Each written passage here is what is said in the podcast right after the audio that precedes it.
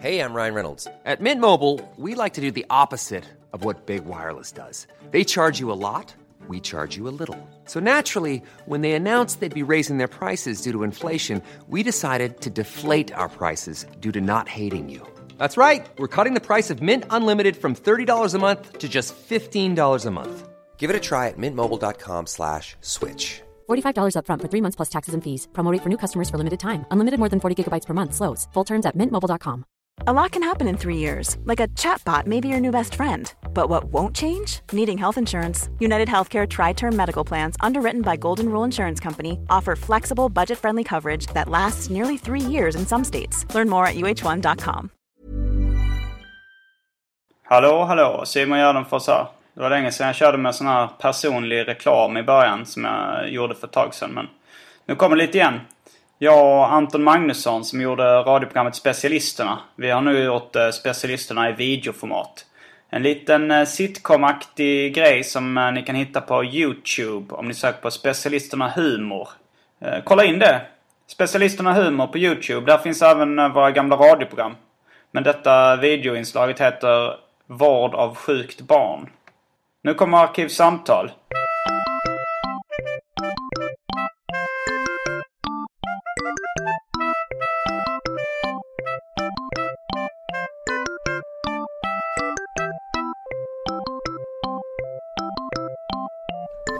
Då säger vi hej. Hej och välkomna till Arkivsamtal. Just nu är jag eh, hemma hos Marcus Johansson, komikern. Hej!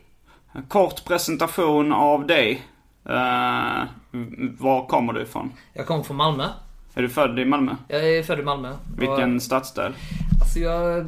Eriksfält uh, har jag vuxit upp i. Det är medelklass uh, villaområde. Mm. Som är lite sådär omgivet av mer socialt utsatta områden. Så, okay. så det är en liten öl ö av En välmående. ö av njutning i ett hav av lidande. Precis. Jag är granne med de här höghusen som man ser i Lilja Forever. Aha, uh, coolt. Det var ju innan de tog dit barnprostituerade. Mm. Innan det sålde, de sålde ut. Ja, precis. Du gillar de tidiga grejerna. uh, mm, det, det blir lite ett specialavsnitt av Arkivsamtal den här gången. Vi kanske ska säga att du är komiker också. Ja. Stand-up-komiker. Och du håller i klubben Oslipat. Ja. Uh, något annat vi har missat på den extremt korta presentationen? Um, nej, jag tror, jag tror att det, det täcker in uh, kärnan av min professionella verksamhet. Fokusera på kärnverksamheten? Ja, precis. Har du, har du gjort någon sån här lång uh, värvetaktig intervju någon gång? Ja, det, det har jag. Den kan ni söka upp på, på nätet. Och... Vad är det? Är det värvet? Nej, det var mm. inte Värvet. Utan det, det var en uh, podd som... Herregud, jag har tappat namnet på den nu. Uh, jag, jag spelade in den för... Vad var det? Ett, vem var programledare? Eller vem hade det? Alltså två killar i Lund. Okej. Okay. Fan, Låt det sjunka in heter de. Okej. Okay. Låt det sjunka in. Så, så om ni mm. googlar på Marcus Johansson med C och Låt det sjunka in så kan ni lyssna på ett jätte, jättelång eh, Värvet-intervju med mig. Mm, det ska jag göra. Och, och då kan vi också uh, fokusera på det. det. Jag nämnde lite lätt att det var någon slags temaavsnitt. Det är ju det. Uh, ja, vi, när vi sågs förra gången så åt vi fisk. Vi är i Hökarängen nu kanske jag ska säga. Just det. Uh, ska det uttalas ceviche? Eller ceviche?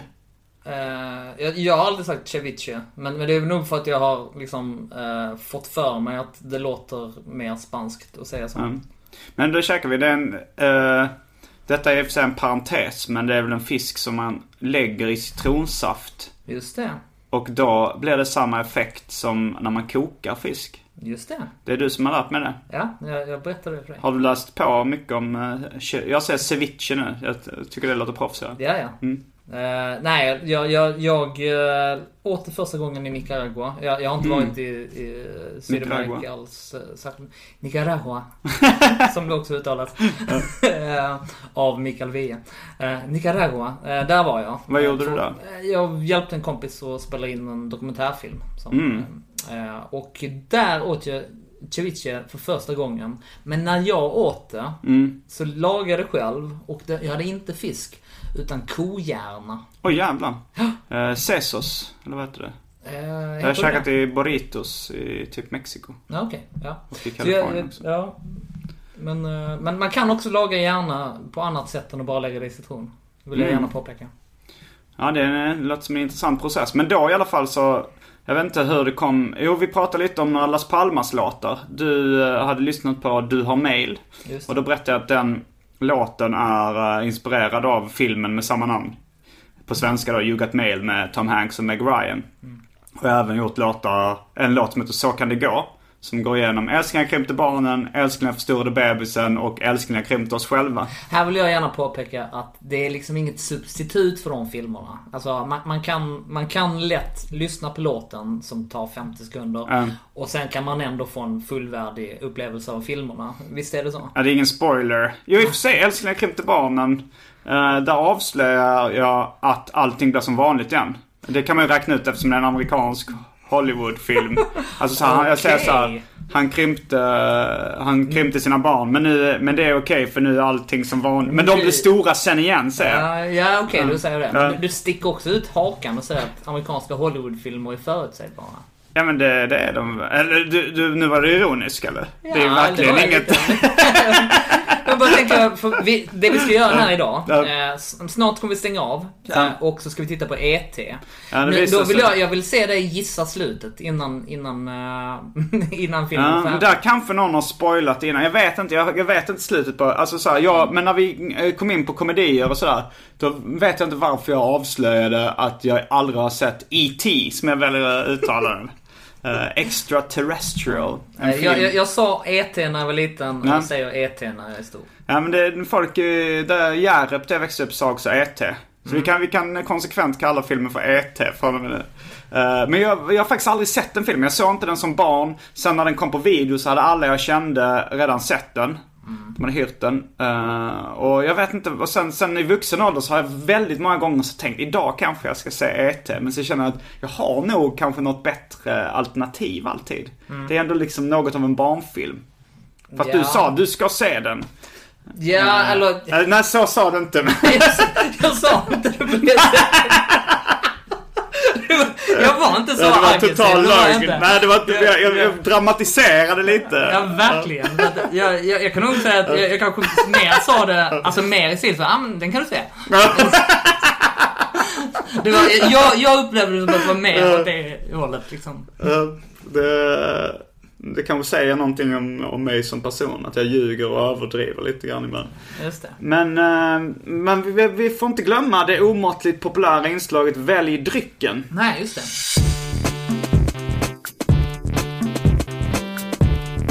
Jag tror vi börjar med det fasta inslaget Välj drycken! Eh, har du, känner du till reglerna för Välj drycken? Eh, som jag har förstått det så, så ska man gå ut i kylskåpet och hämta Ja. som... Om du vet, alltså om du vet vad som finns i kylskåpet redan nu så kan du säga vilka alternativ jag har att välja på.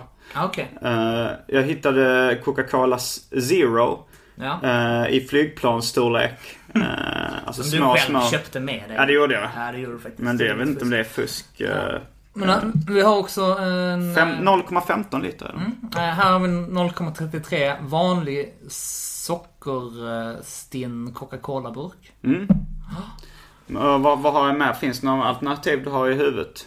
Det finns mjölk också och där vill jag vara väldigt tydlig med att det finns chokladmjölkspulver och O'boy också. Mm. Så att du kan... Vatten ren- har vi också. Vatten har vi också. Ingen folköl eller sånt där? Tyvärr, jag drack upp den igår. Jag hade lite kräftskiva med mig själv och då drack jag upp den. Okej. Jag ska ju gå igenom vilka spritsorter jag har. Ja. För det är inte i kylskåpet. Nej men det, eh, okej. det är dryck. Jag har eh, ljus och mörk rom.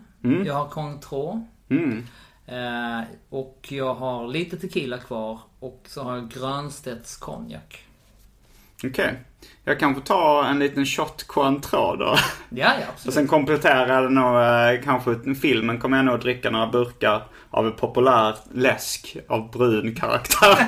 Helt plötsligt så blev, gick jag P3 på varumärket. Eh, nu, nu, nu har du gjort ett val, men jag vill bara påpeka att det finns kaffe och te också. Ja, vad väljer du? Jag kommer att välja Cointreau och kaffe. Mm, dubbeldrycken. Ja. Dagens dubbeldryck. Mm, men då, då kanske vi väljer dryck, kommer tillbaks Eh, sen, ja, vi vill ändå så här, nu har vi drycken, nu smuttar vi på den och där sätter vi igång filmen. Ja. Då kanske man till och med ska höra introt live. Jag tänkte det. Ja. Absolut. Okej, då är vi strax tillbaks. Nu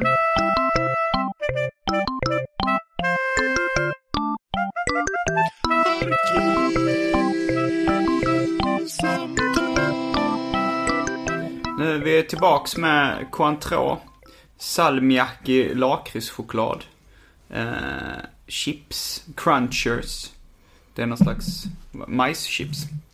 Och eh, kaffe. Och nu ska, vi, nu ska vi då se filmen E.T. För första gången för mig. Hur många gånger har du sett den innan tror du? En gång. Jag har bara sett den när jag var, var tio 10 år kanske. Kanske 11. Eh, Den gick ju först en runda när jag, när jag liksom inte ville någonting hellre. Än att se den filmen. Det var två filmer som jag verkligen ville se när jag var liten. Eh, Det var den här och musikalen Annie som jag var lite kär i. Eller jag hade bara serieversionen att tillgå liksom. Little Orphan Annie. Precis. Det Eh, finns en parodi John. Hustons sista film. Eh, Den vill jag Där se. sa jag mm, som att jag visste vem John Huston var, men det visste jag inte. okej. ja, Han har gjort filmer. Bara tuffa filmer innan dess. Mm. Alltså han har gjort sådana hårdkokta filmer som Riddarfalken från Malta tror jag det är han som har gjort. Och, och eh, han har mest gjort hårdkokta filmer. Den sista filmen han gjorde var Little Orphan Annie. Musikalen. Mm. Ja, jag har sett den tror jag. Det finns en, en serietecknare som heter Johnny Ryan som gör parodier, mycket serieparodier. Ja. Så. Han gjorde en serieparodi på Little Orphan Annie som heter Little Orphan Asshole. Oj! Eh, Det var vågat. Uh, Men som en så slapp parodinamn. Jag brukar, varje gång jag hör, eh, jag tar upp det ganska mycket med David Liljemark som också haft gäst i den här podden. Och han har skrattat varje gång jag säger Little Orphan Asshole.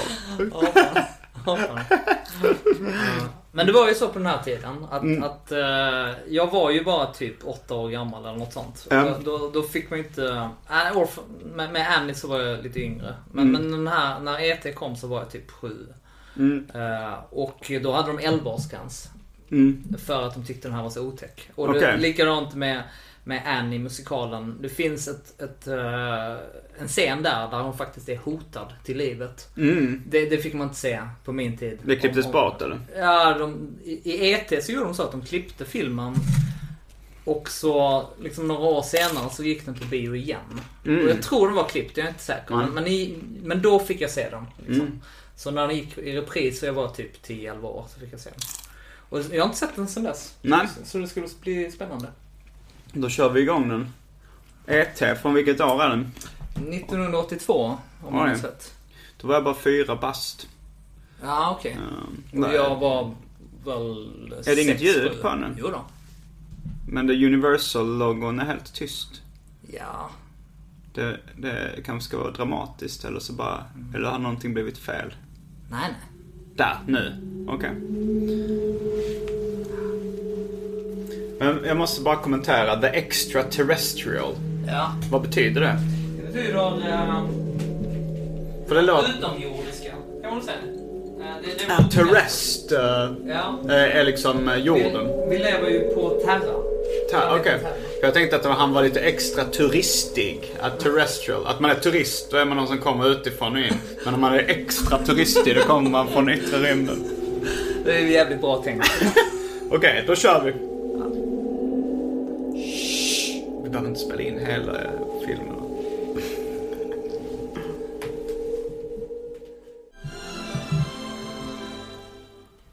Så ja. Hur, eh, hur kände du spontant? Du har inte sett den på, på eh, många år. Det är många år sedan. Mm. Det måste väl vara runt 27 år sedan jag såg den. Ja, oj. Var det första gången jag såg den? Ehm, det var ganska mycket som jag hade tänkt mig att det skulle vara.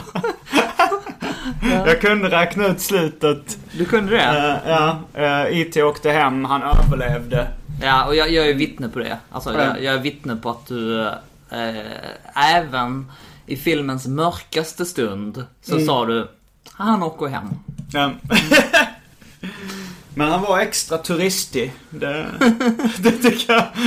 Han, han gjorde allt som, som en turist gör. Han blev full. Ja, det var, det, det var rätt mycket, alltså såhär 80-tals nostalgin var ju en grej som jag, det nog var den jag gick igång på mest. Ja, när han sa- visade Star Wars-gubbarna. När de spelar rollspel speciellt, det känns eh, som att helt okommenterat det är det ungdomar gör. ja, exakt. Det, så, det gillade jag och, och mm, ja, det var ganska, sen också den här eh, men det är lite, lite mer olämpliga skämt även om den var, den var extremt barnvänlig och, och försiktig på de flesta sätt. Men det var så här när E.T.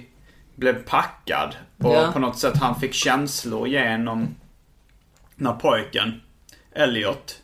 Ja. Så blev han full och då så, så här, var det en scen där han spanade in en brud i klassen. Att han blev lite såhär fyllekåt. Ja, han blev ju det. Ja, det- Trots det att han lite- är för, förpubertal. Men Ja. då kanske E.T. inte var förpubertal. Nej. Så han fick eh, en liten försmak av Och det kåthet. skämtet tror jag inte hade, de hade inte lagt in i filmen idag. Då hade någon så frågat sig, ska vi verkligen ha det här? Exakt. Ja, jag, tror, jag tror också det. det, det för er som inte har sett filmen. Mm. Eh, för det första fattar jag inte varför ni lyssnar på den här podcasten. Vadå, nu? Eh, För det andra så, så, om ni ändå fortsätter lyssna kan jag förklara att det Mm. är så här på ett jävligt skumt sätt så har alltså E.T. och Elliot en känslomässig kon- kontakt. Ja, vi kanske ska börja från början. Ja, så, Alltså var kom? Jag, jag fattar inte vad, det var ett rymdskepp som släppte av E ET, just det. rymdvarelsen. det. Det är lite ensam hemma där, de, de glömde honom. Alltså, Jaha, det var så? Ja, det, det verkar så. Alltså, de, de, de verkar som de bara Ja. glömde honom. Eller det blev ju lite panik också eftersom de här myndighets... Eh, Ja, ja, då, här, han hängde inte med. Nej, jag precis. trodde att de släppte honom medvetet, där, men det gjorde de kanske inte. Okej. Ja, alltså jag, jag, jag tolkar det som att han bara inte hann med. Mm, Eftersom myndighetsgubbarna kom. eh, kom. De, de såg rymdskeppet och ville liksom hälsa på dem. Och då, Mm. då, då fick de panik. Åh nej, shit, fan, vi sticker utan ET. Som de säkert inte kallar ET för att han har tagit ett, Men- ett annat namn. Det var lite oklart när han började kalla sig ET också. Det var någon, Det var en mobbare. en mobbare i skolan som sa extraterrestrial. Ja, Och lite föraktfullt också. Ja. Ja, Och sen bara började Elliot säga E.T. helt Ja, plötsligt. exakt. Eh, ja. Men ehm, ja, den, var, den var ganska mycket, alltså så här 80-talsgrejen är lite, den är lite långsammare, alltså de ökar tempot i modern film. Mm. Man märkte ändå att det var långa, ganska lite sega, trevande scener. Det är väldigt långsamt tempo Mm. och jag, jag skulle nog säga att den är ännu långsammare än vad, vad en vanlig 80-tals barnfilm är. Alltså, Mm. det, det, det känns som liksom... Den här är ju...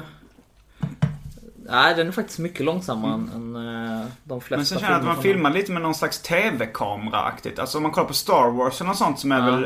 eh, Det är lite mer mjuka, eh, film, filmigare känsla. Det här känns Okej. som så här TV på något sätt. Jag Ja, vet inte om, alltså TV förr i tiden.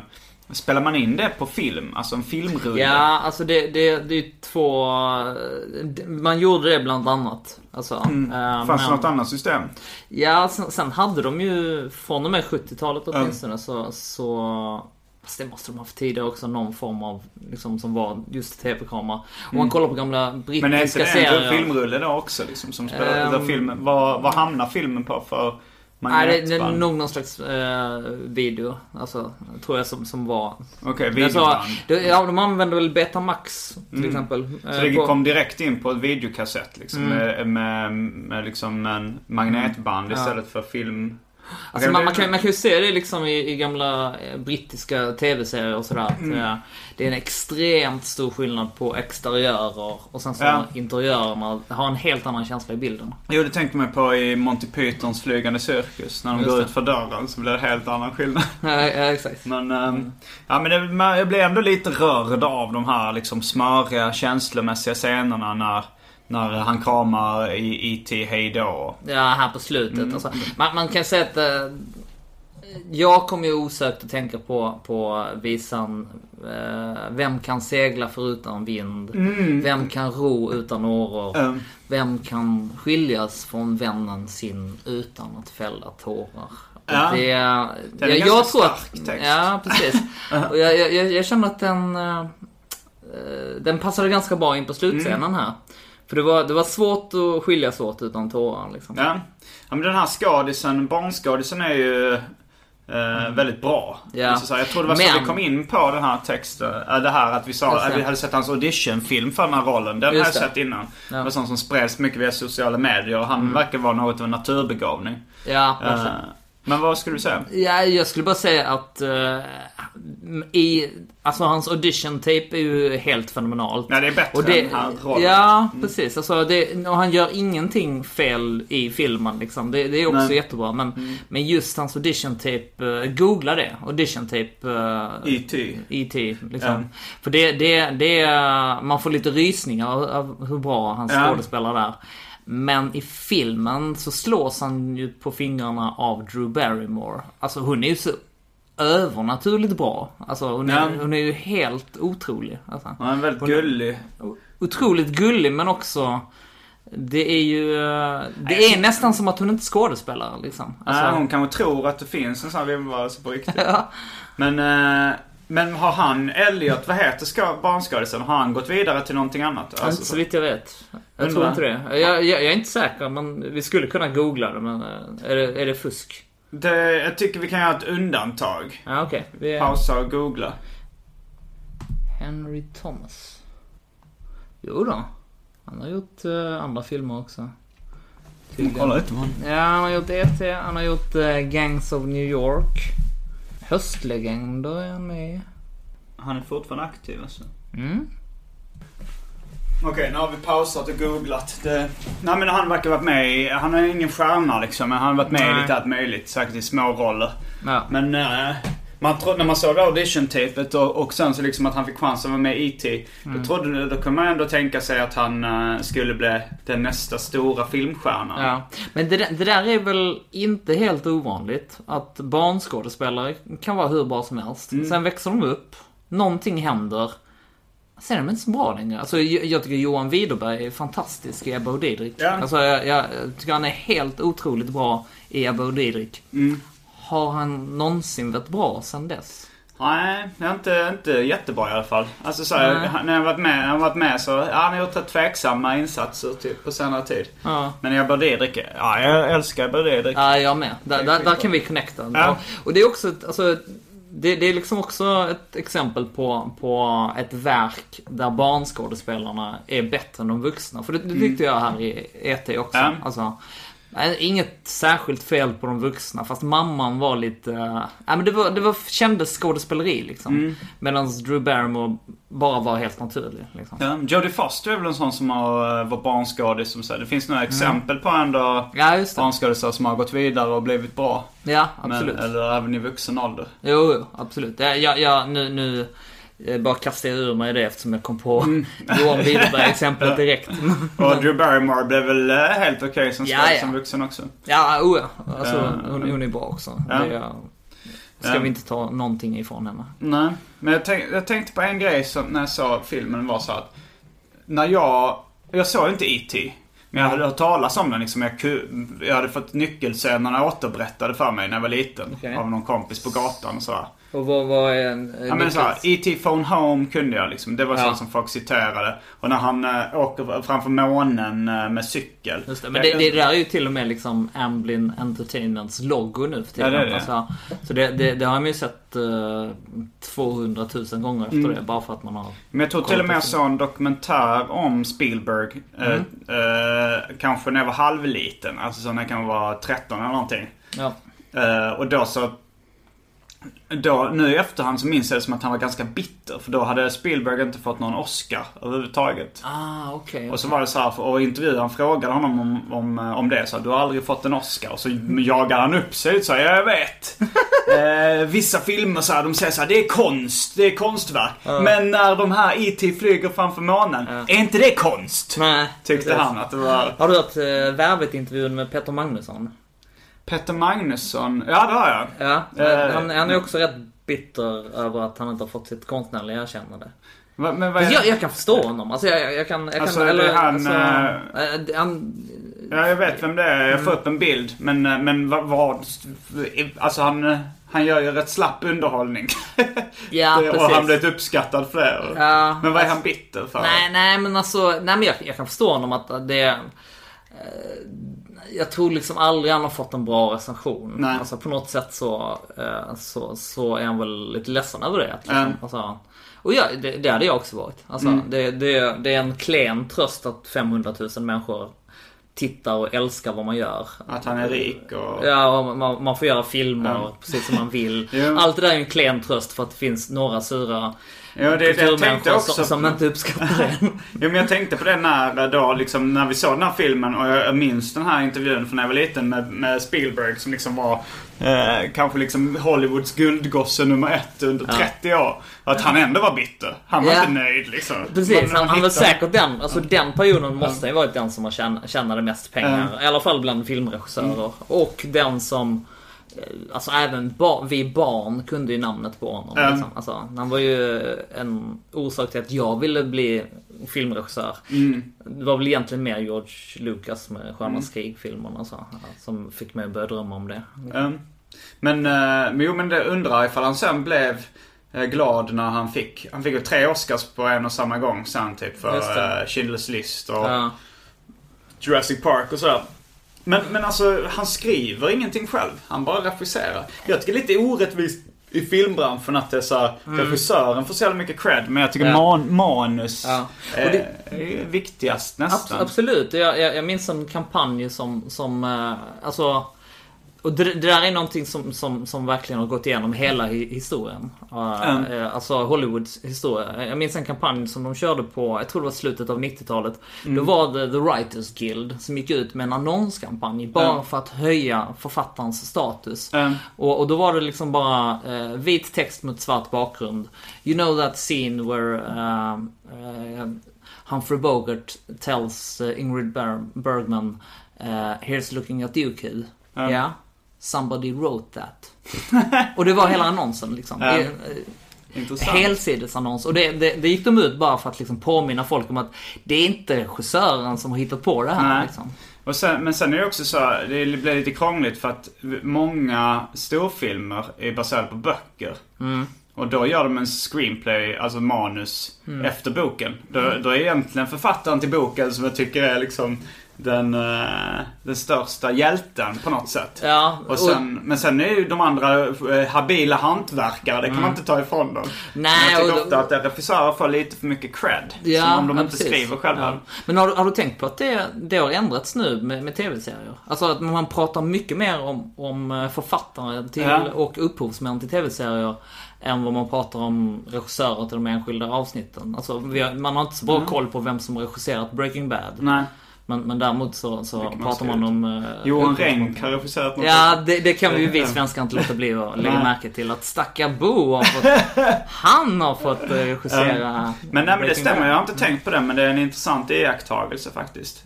Men, eh, Mm. Så det känns som de har det återupprättats nu. men vi kanske inte behöver pausa och googla vem som skrev. Du visste att det var en kvinna som skrev uh, IT eller? Jag såg det i förtexten nu. Ja. nu. Jag, jag, jag visste inte det på förhand. Men, men jag kände inte igen namnet, nej.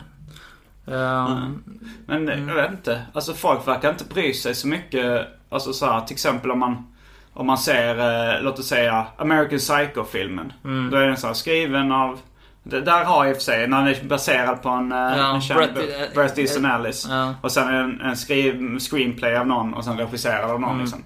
Då, då är folk, de flesta är bara så ah, en, schysst film. Mm. De bryr sig inte så mycket om, om det inte är känd regissör eller... nej, precis. Eh, just den boken blev ju oerhört omtalad redan Ja. innan filmen kom. Sådär, men, Jag gillar boken väldigt mycket också. Ja, jag har inte läst boken, jag har bara sett filmen. Faktiskt. Så, Ja, men den... eh, Jag har hört att den är köttig. Du, när jag var liten så var jag så då ville jag se köttiga filmer. Ja, jag älskar eh, Bad Taste. Har jag sett hundratals Ah, gånger. okej. hur, hur gammal var du när du såg den? Bad Taste? Ja. Jag kan 14, 13, 14. Ah, Okej, för att jag... Det var då jag började möjligtvis se en annan blodig film. Men, men jag, Mm. var, jag var lite unik i klassen på det sättet att jag... Jag vågade inte se Rambo 2 Nej. när den kom. Liksom. jag Alltså, fick inte se så mycket sånt där. Alltså Nej. så här, när vi ser James Bond, den här scenen, då fick jag och min brorsa, eller i alla fall Mm. jag, gå ut. Min, liksom, min morsa ledde ut mig i rummet när ståltänderna skulle bita halsen av någon. Ja. ja men det, det var ju sa- samma sak eh, hos mig. Att mi- mina föräldrar varnade verkligen mig. Så att, eh, Vilket gjorde att jag blev rädd för det också. Mm. Okej. Liksom. Alltså, jag, jag blev ju...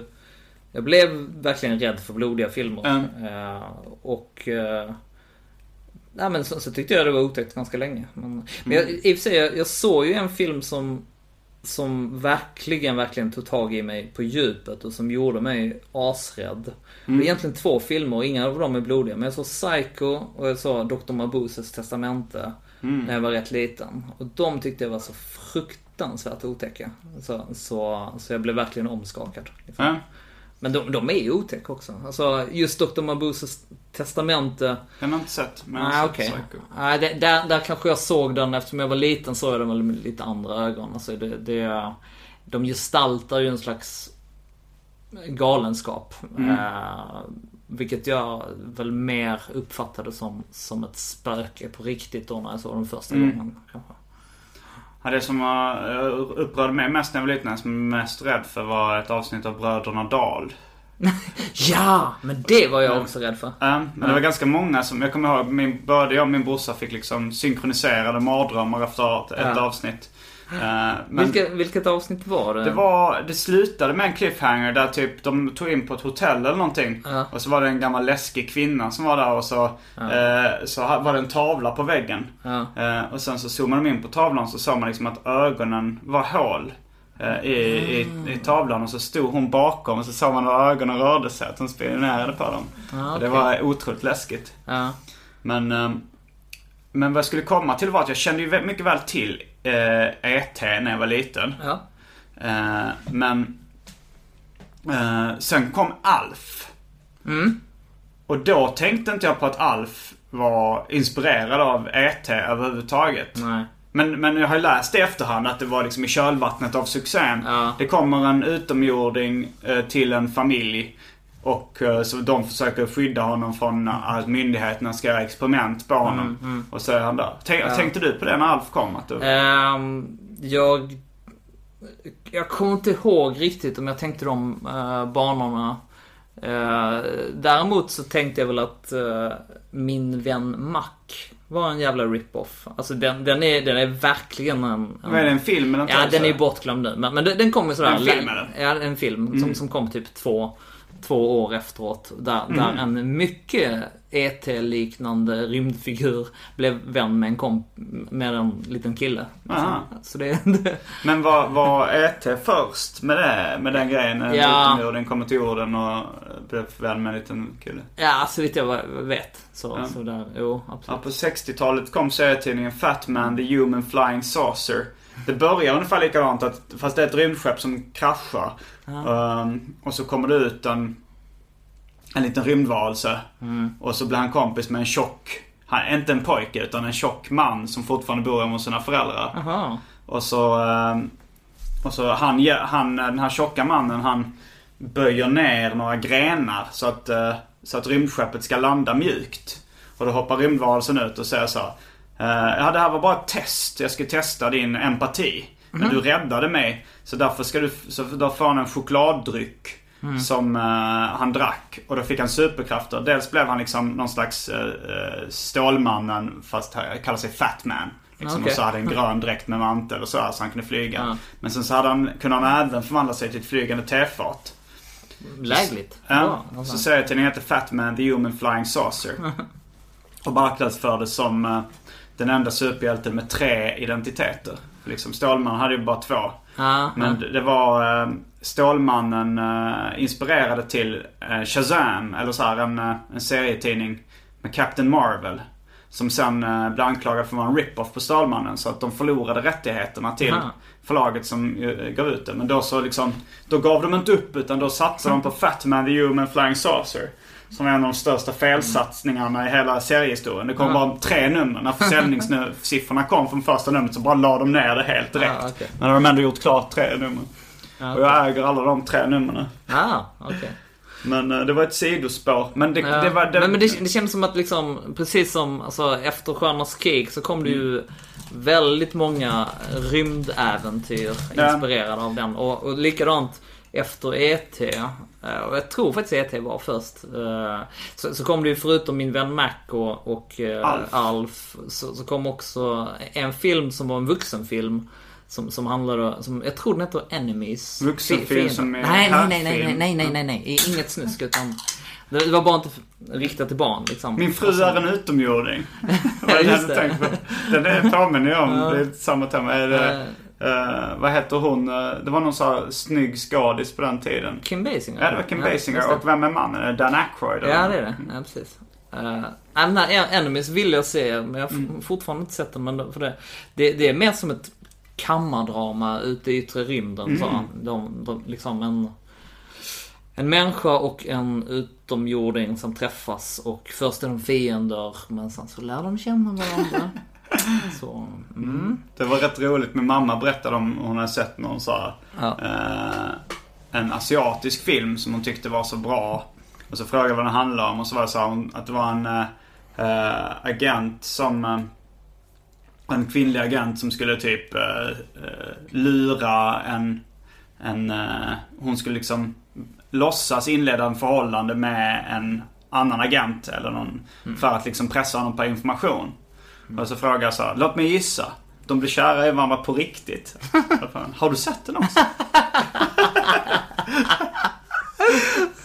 Men blev de kära i varandra på riktigt när rymdvarelsen och människan som... Eh, det tror jag inte. Jag tror, Nej. jag tror de blev vänner, tror jag.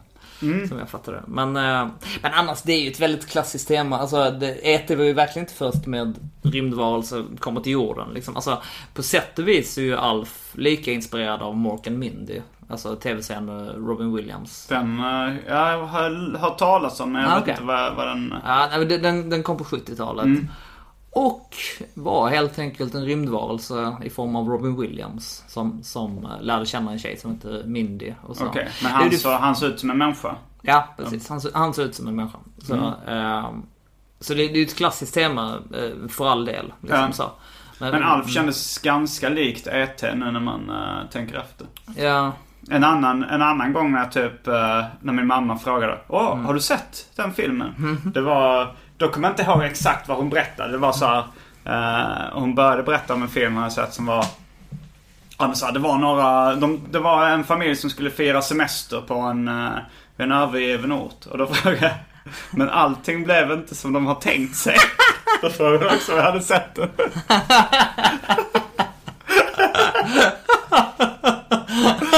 Åh, den filmen hade jag velat se. En familj firar semester på en övergiven ort. Allting blev som de tänkte sig.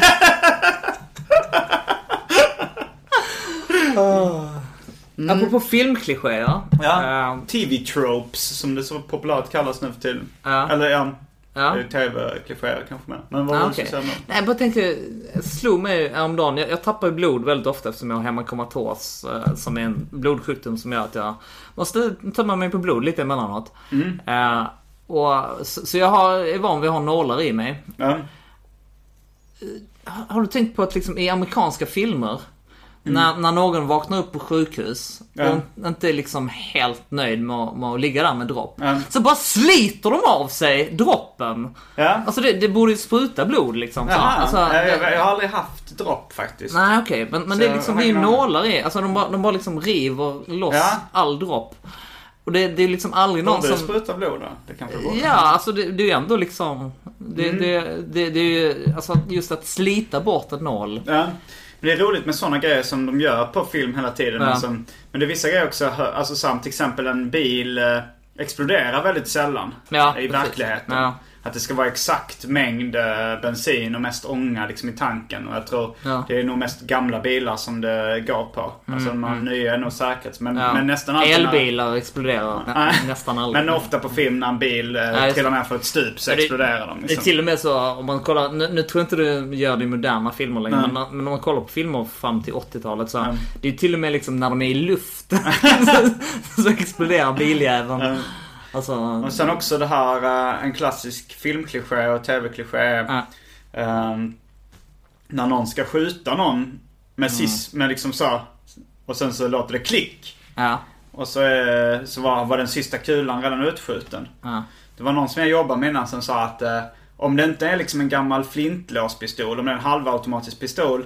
Så märker man väldigt tydligt när uh, sista kulan är skjuten. Att magasinet åker ut eller någonting Mm. Ah, liknande. okej, Att, så här, att det, är, det är någonting som de tänker så här, "Ah, det, är, det är nog ingen som vet det. Ja, liksom. Eh, så det men det är sånt som man har sett tusentals gånger på film. Ja. Sen, sen har jag också en, jag har en uppfattning om amerikanare. Mm. Att de kör rattfulla. Väldigt ofta. I verkligheten eller på film? Nej, jag, jag har fått för mig att de gör det i verkligheten, men det är bara för att de gör det i stort sett varenda film. Alltså de, de är på en bar, sen kör de hem. Ja, liksom. Men det, alltså. det, då, jag har varit en del i USA. Ja, de gör gö- så där. Gör de så Ja. där? Okej. Men det, det, hur vågar de? Jag vet inte då, de... eh, Har inte de vuxit upp med anslagstavlan? Nej, det är nog en, eh, en kulturell skillnad faktiskt. Ja, ja. Nej, men det är så här, eh, Ja. alltså, var, vi tar ju risker också liksom bara att genom att köra bil. Eller jag kör inte bil på grund av att jag är lat. Att jag inte ska Mm. Okej. ha körkort. Det är lättare än att gå kan jag säga. Att skaffa körkort. Nej, nej. Att, att, att köra bil Ja, annars. jo. Okej, ja. Nej men, eh, jo, men jag har inte tagit tag i det här med körkort. Tyckte Nej, okej, jag jobbigt. fattar. Nej, ja, nu, Men, du är för eh, gammal nu också, men- du kommer aldrig lära dig. Jag vet inte. Men, eh, nej, men de, de kör extremt mycket rattfulla. Ja, de gör det. Fast i Mexiko var det ännu värre. Då, då var det liksom extremt mycket rattfulla och extremt många som dog i trafiken. Och Ja, okej. många som hade krockskador i ansiktet. Ja. Men, jag- men, men vad gillar du Alf när du var liten? Ja, oh ja, absolut. Mm. Eh, jag, jag, tyckte den var jätterolig. Ja, Eh, och eh, det hade varit kul att se om det nu för den till skillnad från vissa andra tv-serier som jag, som jag tyckte var väldigt roliga, som Skål till exempel. Mm. Ja. Det var inte så länge sedan dansk tv visade Skål igen, Mm. när jag bodde i Malmö liksom. Så, så den, den har jag kunnat konstatera att den är faktiskt rätt bra. Alltså det, Mm. det, det, den, är, den är rolig. Uh, åtminstone de första säsongerna då. Eh, men Alf har liksom ingen aning om om det är liksom, om jag skulle tycka det var roligt idag eller om det är skämskudde. Jag vet, jag vet inte. Men jag tänkte på, eh, det var alltså en skådis i ET-kostymen. Ja, Det måste ha varit en dvärg eller någonting. ja, alltså... För det var ju det var en man i, i Alf-kostymen väl? Mm, mm, En kort snubbe. Just det. Eh, men det borde väl ha varit det. Det är väl lite så animatronics på något sätt. Att eh, eh, teknik som rör för ET och röra på ögonbrynen och sådär. Men det måste ju ändå varit någon skådis där. När, när han eh, lunkar framåt. Jag. Ja, jo men där måste det ju varit någon. Mm, det tror jag nog. Alltså, det, eh, det, det ser konstigt ut. De har inte fått till, alltså han, han, han ser ut som han har reumatism. Den här stackars ET. Så, men, men, det, men det kan ändå vara någon liten gubbe i där i. Mm. Just den här fingerscenen har jag också. Jag blev rätt chockad. Jag hade inte tänkt på att han kunde trolla liksom. Nej. ET kunde trolla. Det, Det, Telekinesi eh, är han duktig på. det, det som i folkmun ka- kallas att trolla. Han- kan få saker att sväva liksom. Eh, på, på ett mycket skickligt sätt. Och han kunde hela eh, folk med sitt finger. Ja, det också. Precis. Det är också lite trolleri. Men det, men det, har jag, det känner jag till med Är finger. det här en Jesus-allegori? Jag vet inte, jag fick en sån tanke när han kom ut och hjärtat bultade. Ja. Då kände jag Jesus. Yes. Vad- jag vet inte vad allegori betyder. Anspelning eller vad är det? Eh, ja, Symbol för? ja, ja, precis. Alltså det, det, det är ju liksom en omskrivning parallell. av... eh, en omskrivning av en, en någonting... Antingen Mm. ett samhällsfenomen eller en annan historia eller en Ja. berättelse. Spielberg är liksom. ju jude så det kan vara någon Messias. eh, Ja, kanske. jo absolut. Var- Ja, exakt. Jo men det var ju ett kärleksbudskap och allt det där. Och Ja, Hela grejen. Ja, det, det frågan har... Det har säkert skrivits en del avhandlingar om det. Ska jag kunna gissa på. ja det måste du- någon, någon på A-kursen i filmkunskap har, väl, har väl skrivit en fempoängare. Ja. Men jag själv refus, refus, vet, nej, vet det, jag har refererat till ET i en låttext. Då var det också baserat på vad jag hört om filmen. Mm, okej. Eller det var nog... eh, Det var nog... eh, Vi, jag och David Liljemark gjorde en serie som heter DJ Röv i Megapyton. Okej. Och så gjorde vi ett inslag där det skulle vara massa andra liksom DJ Röv släktträd hette det. Och då var, då var det en som hette ET Röv. och, och då skrev David så här, han fingersvinar med, jag vet inte vad det var. Vi var väldigt inne på ordet svina på den tiden, men att han fingersvinade på något sätt. Ja, okej, okej. Och sen så när jag skrev en, en låttext som till en Las Palmas-låt som hette Millennium, hette den låten. Mm, Där, där alla ord ska vara så här, eh, på, med så mycket i, bokstaven i som möjligt. Okej. Och då skrev, säger jag så här, fingersvinar som Spielbergs E.T. Någonting. Mhm. Och, eh, så då tog jag upp ordet fingersvina igen. Bra. Det Jag låter ska, lite jag ska, jag ska, ja, jag, jag får eh, bilder i huvudet. Ja, man tänker på fingerpulla. Eh, Ja, det, det var ungefär Mm. jag tänkte. Fast kanske grövre än så.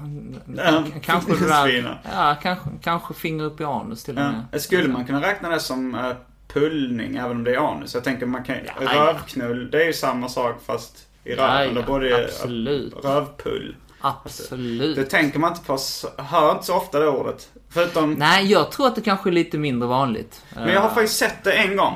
eh, I eh, textad TV. Det var så här, det var en dokumentär om thailändska pedofiler tror jag. De, Okej. de, det var liksom, man fick följa den thailändska pedofilen. Mm. Och pe- pe- polis, man fick följa den thailändska polisen. Då skulle de sätta dit en pedofil som hade en, eh, gått in på ett hotellrum med en, eh, med en underårig pojke. Ja. Och då så, så liksom filmar de och så sparkar de upp dörren och skriker något. Och då stod det textningen Vem rövpullar vem? Det var det de valde att skrika de sparkat upp dörren. Och det fastnade i mitt minne att de skrek Vem rövpullar vem? Det är det första de säger också. Så här. Skriker, ska skrika något sånt. "Åh, Vem vem? Egentligen? Ah, vad konstigt. Ska jag berätta hur det kom sig att jag blev fixerad vid Alf när jag var liten? Ja, gärna. Det var en ganska lång eh, och eh, intressant historia. och det började med att uh, allting började med att eh, jag uh, brukade hänga med min uh, storebrorsa och sådär. På, vi, mina, min släkt hade ett sommarstuga på Österlen. Ja. Eh, eller nära Österlen, nära. Riggeleje hette det. Och då brukar vi gå till en kiosk där och, och köpa serietidningar. Du kan börja ta klockan nu så ser vi hur lång den här anekdoten Ja, är. Varför okej. jag blev fixerad vid allt. Yes. Vi är på 30... Ja. Mm. Mm, Okej. Eh, kiosken där, eh, där hade de serietidningar. Och så såg jag eh, filmen, eh, nej jag såg serietidningen Hulken möter Hulken, stod det på utsidan. Ja. Och då tänkte jag så här, det var rätt spännande liksom. Men sen eh, så bläddrade jag igenom lite andra serietidningar. Just det så fortfarande, eller så redan extremt eh, besvärad ut. Nej, nej. Jag, jag, jag, jag, jag dör av nyfikenhet. Ja, men eh, nyfiken då, Hulken möter Hulken. Mötte han sig själv? Eller liksom hur var det? Men jag valde ändå att köpa en Daredevil-tidning. Okej. Låghalsen. Det skulle kunna vara Hulken mot Hulk Hogan, tänker jag. Ja det skulle det vara, men det var en bild på två Hulken på utsidan. Hur är det Som möjligt? mötte, ja det, det, Det, det jag får vi aldrig reda på, Nej. eftersom du köpte inte den. Eh, nej, jag köpte Daredevil. eh, Mm. som jag tyckte var cool. Men sen tänkte jag så här, men nästa sommar så ska jag köpa Hulken möter Hulken. Hulken mot Hulken. okej. För jag hade inte fattat att serietidningar fanns under en begränsad period i affärerna. Hur gammal var du nu? Är kanske åtta. Någonting. Ja, Mm. ja. Men sen nästa sommar så kom jag dit med och sa ah, de har inte Hulken, de hade inte ens Hulken kvar liksom. Nej. Jag vet inte om han var nedlagd. Och då, eh, men då så min brorsa försökte så här, trösta mig lite och sa men den här eh, katten Nisse. Det är första numret också. Vi, vi hade sett honom på så här tecknad film och det var så här, Mm. jag var inte speciellt eh, road av den. Det var så här, vanlig tecknad film liksom. Men, men eh, det tilltalade med det här att vara med från början. Så min brorsa sa, då kan du vara med från början Ah, liksom. okej, och köpt alla numren för det var första numret. Eh, så, Där, där handlar jag, eh, fast jag var ju mycket äldre än dig och det Mm. här var senare, men jag handlade ju första numret av Frank Millers Batman. Eh, Nej men det gjorde det också. Det var Ja. ungefär samma tid. Det var Frank Miller som också gjort det numret av Daredevil som jag köpte istället för Hulken möter Hulken. Ah, okej, okej. Mm. Men då köpte jag katten Nisse och sen så min brorsa och jag liksom började trigga upp mig att jag skulle bli så här, men du, du kan vara med från början så du kan vara en sån riktig Nisse-diggare liksom. Ha med tidningen till skolan och ja, men bli han som gillar Nisse. Och det tilltalar mig som fan. Få liksom en identitet sådär. Och så att redan innan jag kom hem eh, till eh, mina föräldrar så hade jag bestämt mig så här, jag, jag, det här ska bli min favorittidning. Jag hade inte öppnat den men jag hade bestämt mig för det här ska bli min favorit seriefigur. Så frågade min mamma så här, uh, får jag prenumerera på katten Nisse? Och så, "Ja, har du läst den ännu? Nej men den verkar jättebra. Och sen så läste jag den, det var ju en vanlig slapp serietidning, inte speciellt bra. Men jag liksom så, den var jättebra, jag vill prenumerera. Och sen så liksom gick jag med vett och vilja in för att bli extremt fixerad vid katten Nisse. Och lyckades liksom. Var så här, eh, ja, men jag, jag gick in verkligen för att bli en Nisse-diggare. Ja, ja. Eh, och, och sen eh, så började de en uh, biserie i uh, Nisse, alltså så här, en utfyllnadsserie som heter Toppen. Uh, Top Dog heter den på engelska. Den handlar om en talande hund. Eh, som är lite som Alf och uh, ET då. Att det var en talande hund som kommer hem till en pojke och en familj. Och han vill inte avslöja eh, den för omvärlden att han kan prata. För då kommer forskarna börja göra experiment på honom. Aha, okej, okej. Mm. Det var... Hur, hur, hur var Nisse? Jag, jag minns inte eh, katten Nisse. Eh, kunde Nisse prata eller var det bara en helt vanlig katt? I, vi, alltså i, eh, i amerikanska så kunde han eh, inte prata. Men sen kom det en italiensk eh, tecknare som började teckna Nisse. Det började som skämtteckningar, då kunde han inte prata. Aha, okej. Och sen kom den italienska mannen eh, som ble, fick uppdrag att göra katten Nisse och då kunde han prata.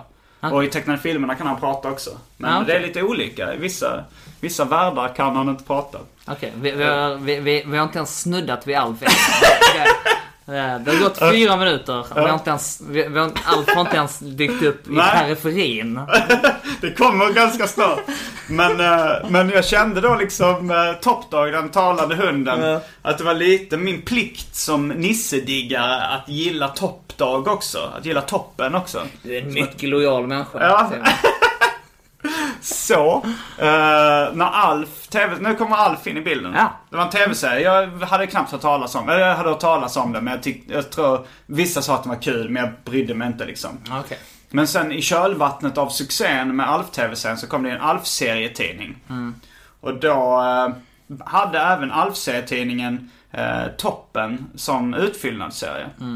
Och då kände jag att det var min plikt som Nisse-diggare att även eh, bli fixerad vid Alf. Ja, Okej, okej. Så liksom allting som var, hade på något sätt eh, eh, relaterat, allt Nisse-relaterat. Det kände jag, det här måste bli mina, det här måste bli favoritgrejer. Ja. Så då började jag så slaviskt följa Alf på TV. Ja. Köpte Alf-posters som jag satte upp, tapetserade mitt rum. Det fanns liksom inga Nisse-affischer. Nej, Det var ju lite roligare då också att gå in för att gilla Alf eftersom det fanns så mycket merchandise att köpa liksom. Ja, det fanns det verkligen.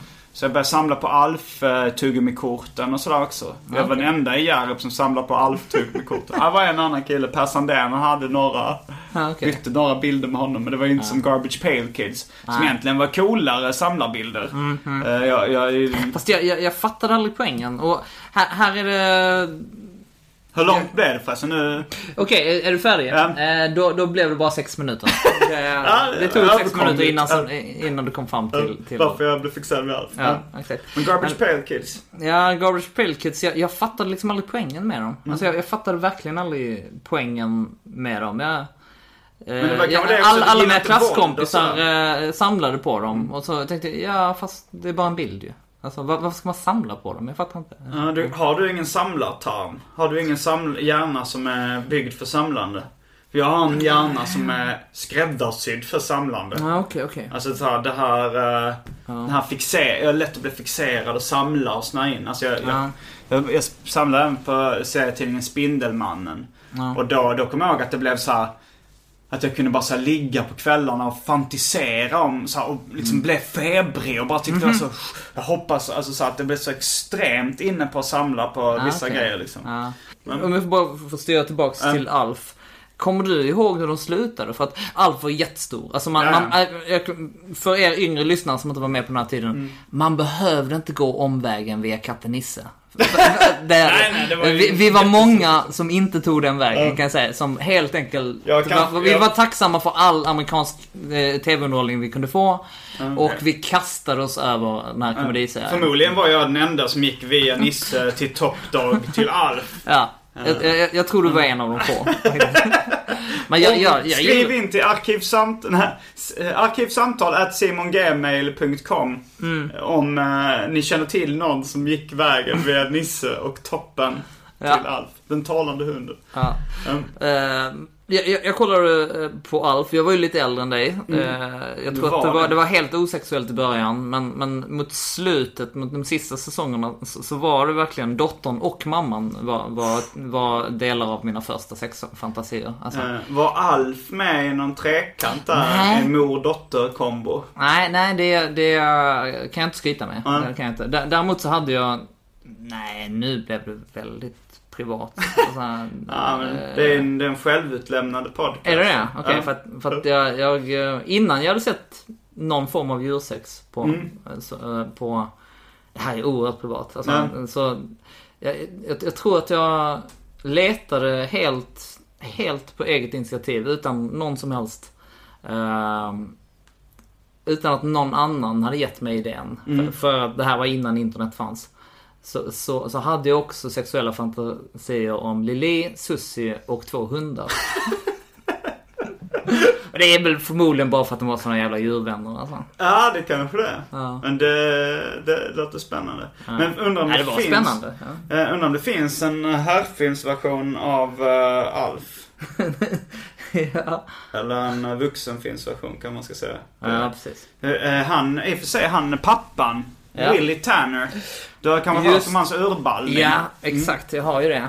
För er som Han inte känner gjort- till uh, Willie Tanners urballning så var det att han han började ha sex med hemlösa män och röka crack ur provisoriska rör. Mm.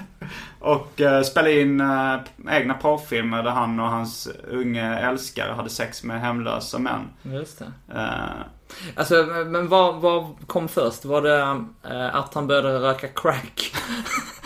Eller började han spela in porr med hemlösa män? det är nog lite hönan eller ägget Ja, uh, exakt. frågeställning. Jag, de- den versionen jag har hört var Mm. att liksom han verkligen har gått ner sig. Att det började kanske med tobak, gick, gick över i marijuana och sen så blev det bara värre och värre och till slut var det crack och till slut så hade han inte huset kvar utan han var tvungen att spela in, in porr för, för att finansiera. Och det, ingenting av det är roligt. Jag, jag skrattar bara av nervositet såklart. Ja, För det- det är aldrig. Tragikomiskt finns det ett ord som heter. Ja, precis. Och det, det, Okej, jag lockas väl till skratt just eftersom man känner honom som pappan i Ja. Alf liksom. Det, Jo, Ja, men eh, han, han köpte även sex av hemlösa män. ja. Eh, det, det är intressant. Men, men en grej, jag tänkte på det här att han hette Willie Tanner. Det var ju någon annan så här sitcom-familj som Mm. hette Tanner också. Det var lite fantasilöst tyckte jag. Varför, varför, alltså så här, Huset Fullt eller någonting hette de också familjen Tanner. Och, ja, och det är familjen väl ett jävligt bra sitcom-namn. Ja men de- kan ju hitta på något annat. Det kan, det kan inte vara så här, vi, vi ska också heta Tanner. Att därför vi ska heta Tanner. Eh, så- Men jag, jag måste fråga dig in, innan tiden tar slut. eh, så måste jag fråga dig. eh, kom, kom, om du nu var ett sånt stort Alf-fan, kommer du ihåg Mm. hur serien slutade? Hela tv-serien? Ja. Nej, det kommer jag inte ihåg. Nej. Alltså jag vet inte om det var om de, alltså för ibland så slutar det någonting med att så här, de hoppas på att få en säsong till. Ja. Så de har ett ganska öppet slut. Det var nog inte att han åkte hem igen eller så, tror jag inte. Till Melmac. Nej, det, det, det, jag, jag, jag kommer själv inte ihåg det, men Johannes Finnlaugsson, som, som ni kan... Mm. Jag eh, tänkte att helt plötsligt blev den här podden eh, 80s Ninja Komiker eller vad heter det? Ja. Teenage 80s Ninja Komiker. Precis. Eh, lyssna på den, den, Mm. den är jätterolig. Eh, och han, han, han, han berättade för mig att de gjorde typ sex säsonger. Men, Och så var de, de trodde verkligen att de skulle få en sjunde säsong. Så, Mm. så de slutade med en cliffhanger. Där Alf blir liksom tagen av FBI. Alltså, eller myndigheterna kommer och upptäcker honom. Ah. Så, så liksom, han, får ficklampor i ansiktet och nu tar de honom. Cliffhanger. Och det blev slutet. men då blev det ändå ett riktigt avslut på något sätt. Ja, det blev ju det. Ja. Det blev fruktansvärt sorgligt för att, vara, för att vara en komediserie. Ja, mörkt. Det var lite som uh, Tre Kronorna, Sten Frisk spränger alla utom den alkade Ja, gubben. ja, exakt. Fast med skillnaden att de, de inte ens liksom hade... De visar inte... de, de, de, de, det var inte ens meningen från manusförfattarnas Nej. sida att det skulle bli så. Men hör, hörde du också att eh, det var på gång att Alf kanske skulle få en talkshow vid ett eh, tidpunkt? Nej, det visste jag Det var mycket senare, alltså, det hörde jag runt millennieskiftet. Men Ah, jag tror de nog spelade in en pilot till en talkshow där Alf var talkshowvärd. Ja, okej, okej. Uh, mm. Vi- Nu har vi pratat väldigt lite om, om ET. Nej, vi pratar väl rätt mycket om Ete? Ja okej, men, men alltså i förhållande till Alf. Så, så. Ja okej, men det, jag, det är Men det finns jag... ju jättemycket kvar att säga. Alltså vi, vi, vi bara rundar Mm, av här nu. okej, alltså, bara, mm. alltså, jag, eh, onaturlig ljussättning. Eh, Mm. eh, och eh, Mess- Messias spåret är ju någonting som vi skulle kunna utforska Mm. mer. Och jag, jag tycker också den är, den är ju liksom, för att vara en barnfilm och sådär, den är ju lite konstig. Ja. Alltså, det, den är ju konstig på det sättet att man inte... Det är ju en sniftare. Ja, det är en sniftare. Rakt men, av nästan. ja, men, men alltså det finns ju saker som liksom bara inte förklaras. Alltså det, det, det är lite ovanligt att göra barnkultur på det sättet att... Det här skilsmässodramat, att deras pappa var i Mexiko med en kvinna som heter Sally. Ja, just Det fick inte heller något, men det antyddes väl lite i slutet att morsan och den här nyckelmannen eh, skulle få ihop det kanske. Ja men det, det är också, apropå Nyckelmannen, eh, han var ju en myndighetsperson. Eh, Alltså- men nyckelman, att han var en nyckelfigur, det är därför du säger det. Nej, alltså han hade nycklar. han Alltså, hade I, I nycklar. Början det så en- en filmade de väldigt mycket ja. hans skrev och så hade han en nyckelknippa där. Och sen till slut så, så, så fick man lära känna honom. Mm. Och Inte så nära. Nej, inte, inte så nära. Men, men det visade sig att han var snäll. Alltså, Elliot, han, han är ju lite sådär... I sin mental, alltså huvudrollen, lille pojken Elliot, han är ju lite sådär anti-government. Han är ju lite sydstatsmentalitet. Alltså, re, redan precis när han bara har hunnit skymta ET och de inte ens vet vad det är, om det är ett jävla troll eller sådär. Så, nej, nej, staten kommer bara till att ta honom och lobotomera honom och utföra experiment så. Han fick en Ja, grov precis. Malmö-dialekt. Exakt, men det jag vet inte hur jag ska gestalta amerikanska sydstatare som, som viftar med, vad fan är det, second amendment eller vad det är. Där, Och, och liksom... Jo, men det tänkte jag på också. Att han, det, var, det var lite orealistiskt att han kunde räkna ut det. eh, Ja, på fast- så tidigt stadium. Fast räkna, och det är här jag tycker filmen är öppen på ett spännande sätt att Men den här Peter Coyote som spelar den här nyckelmannen Han är ju inte ond, han är ju snäll. Ja, det var- det det, var- det fanns ju ingenting som, som senare tydde på att myndighetspersonerna var onda på något sätt. Nej. Alltså de försökte ju bara rädda livet på ET. Det Ja. enda de gjorde var att de kom in och så försökte de rädda livet på ET. Men de ville ju göra lite mer experiment kanske än pojken. Fast det, vad, fanns det som egentligen indikerar det? Nej, förutom, se, ja. förutom att Elliot hade sina fördomar mot, mot myndighetspersoner. Och det var till och med så att de, de försökte rädda livet som fan och han blev skitarg. Så, "Äh, låt honom vara, låt honom vara. Men vad fan, de gör hjärt och lungräddning efter Ja. bästa förmåga. på den här utomjordingen liksom. Men han var ju bara ett barn. Han, eh, han, var ju- Han, han- trodde... Och sen Ja. kanske, han kanske, hans pappa kanske hade varit en sån anti-government snubbe.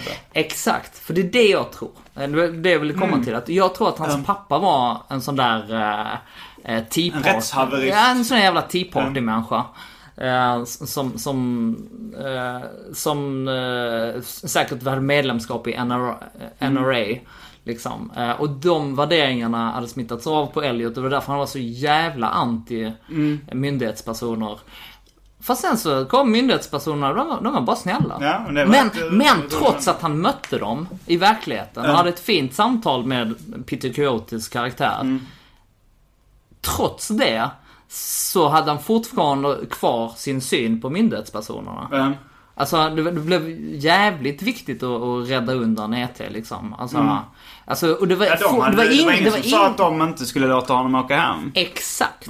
Det var ingen, alltså tvärtom så om jag hade träffat den här Peter Coyotes Mm.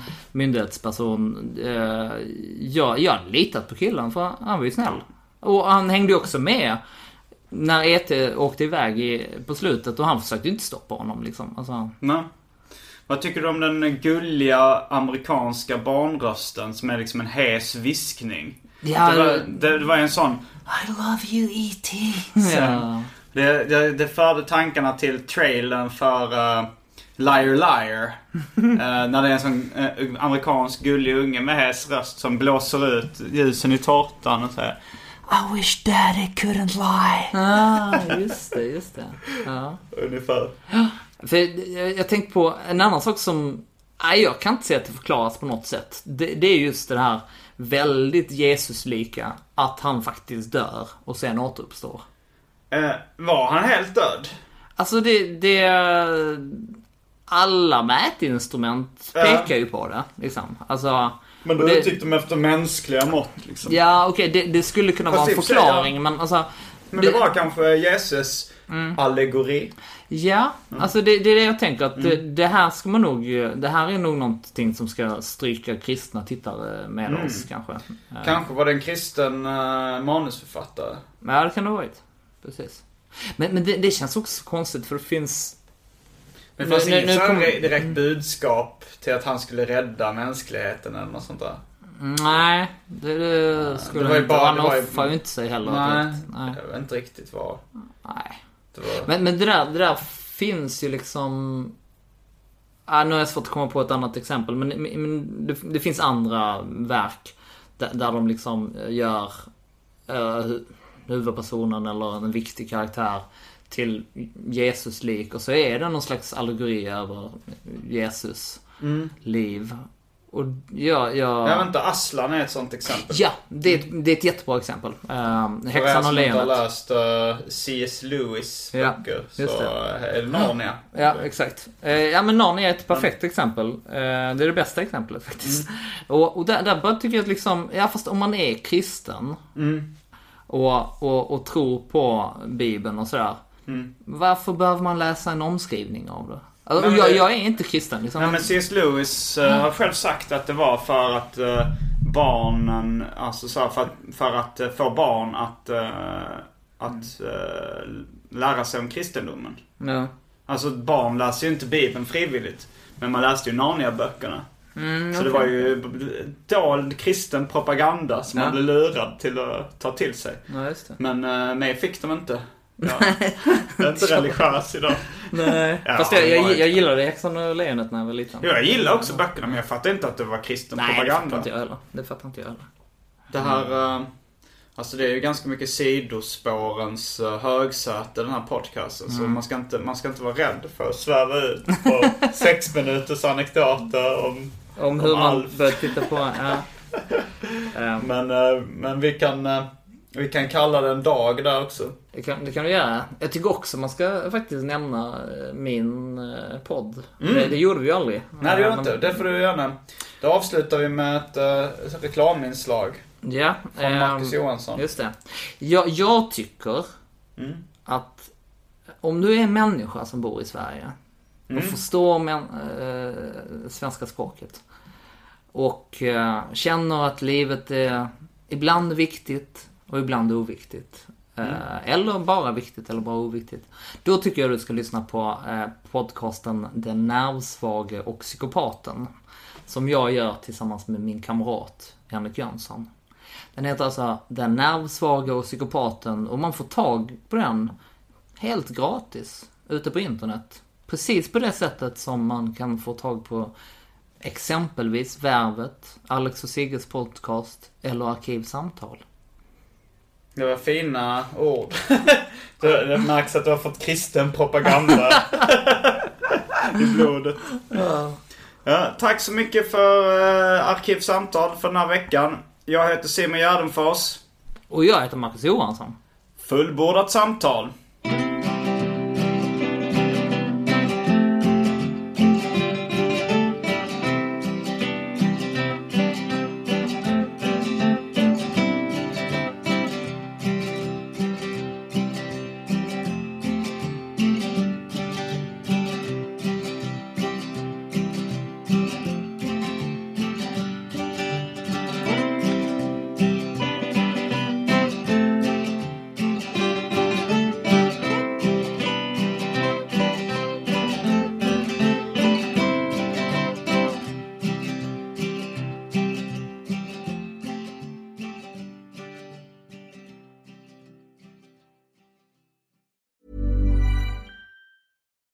Deserves the best, and there's no better place to shop for Mother's Day than Whole Foods Market. They're your destination for unbeatable savings, from premium gifts to show-stopping flowers and irresistible desserts. Start by saving 33% with Prime on all body care and candles. Then get a 15-stem bunch of tulips for just $9.99 each with Prime. Round out Mom's menu with festive rosé, irresistible berry chantilly cake, and more special treats. Come celebrate Mother's Day at Whole Foods Market.